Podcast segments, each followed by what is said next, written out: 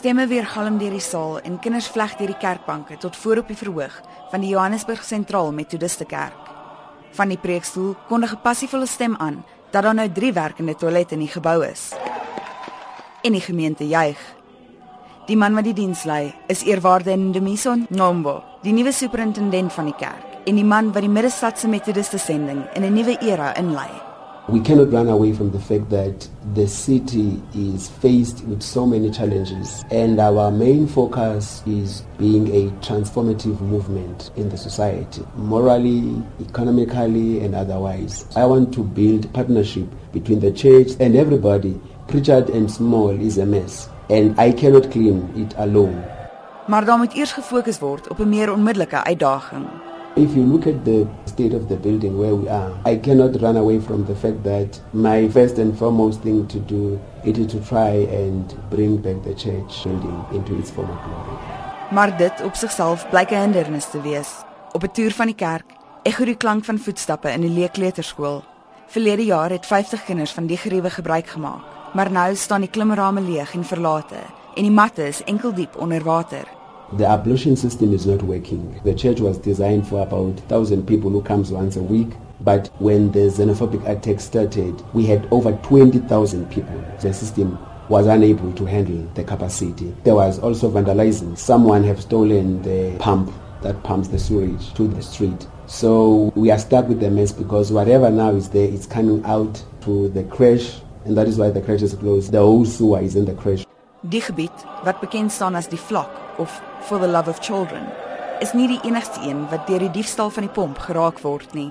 The chapel is stinking because there's a toilet next to it and that toilet is flooded. So whatever comes out, it goes right to the chapel. I just want to make an appeal for people who can come to suck out that mess and make the sewage function because in the entire building, there are no toilets. Members on Sunday, if you are pinched, you have to run to Carlton Center, which is about four streets away. Now you can imagine when there are young children who attend the service. Community members use whatever place they can use to relieve themselves. Hence there is the smell that you find. Vandalisme is ook 'n groot probleem. Een van die ses grootste kerkorgels in die land is in onbruik, onherstelbaar beskadig. Graffiti versier die mure in die gange en die geluide van die middestad stroom die kerk binne deur gebreekte vensters. Die eerwaarde is vinnig om daarop te wys dat dit nie menswaardige toestande is vir inwoners nie en dat die kerk se primêre doel nie 'n blyplek is nie. The next time we had such an event of xenophobic attack and other attacks, churches will be reluctant to open their doors because of what happened in this church because this church is completely vandalized. You talk about lifts that are not working. People went to the roof to extract every machinery. Anything that is copper in this building is gone. There are no lights. The only thing that is left are the mounted chairs. The walls were able to move. They would have been gone. Ten spyte van die uitdagings, het Eerwaarde Nkombo al baie bereik vandat hy die begin van die maand by Biskop Paul Verrein oorgeneem het. Die kerk spog nou met 'n aanlyn teenwoordigheid en merkwaardige vordering word gemaak om die laaste van die vlugtelinge wat nog op die perseel woon te skuif. I had a meeting with social development. We agreed on placing 13 women with children and elderly folk and the disabled. They also promised me that these people will be placed around Johannesburg so that when we start clearing the building, we know that we have moved the most vulnerable people around the building. Because these are still human beings, we will try to deal with this situation in a more dignified and humane manner. Die eerwaarde wil graag hê dat die waardigheid herstel word by die kerk en die gemeente waar hy 15 jaar gelede sy loopbaan begin het. I got that privilege of coming back and ministering again in a place where I was mentored, a place that is full of history of the Methodist Church.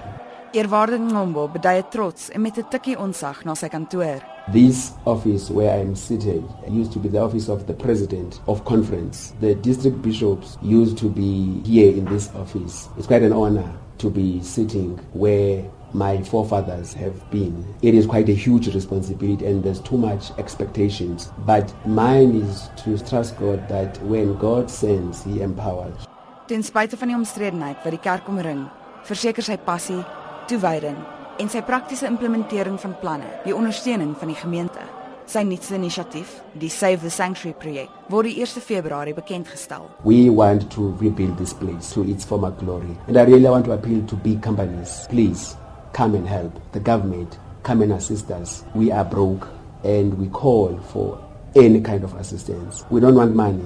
If you've got company that can come and assist with equipment and manpower, we will appreciate. We want to reclaim the glory of this sanctuary. Intussen word die laaste nagmaal gereël vir die vlugtelinge, sommiges wat al vir jare in die kerk bly, as erkenning dat hulle wel 'n belangrike deel van die sentraal metodiste kerk gemeenskap was. Ek is Jemaine Krieger in Johannesburg.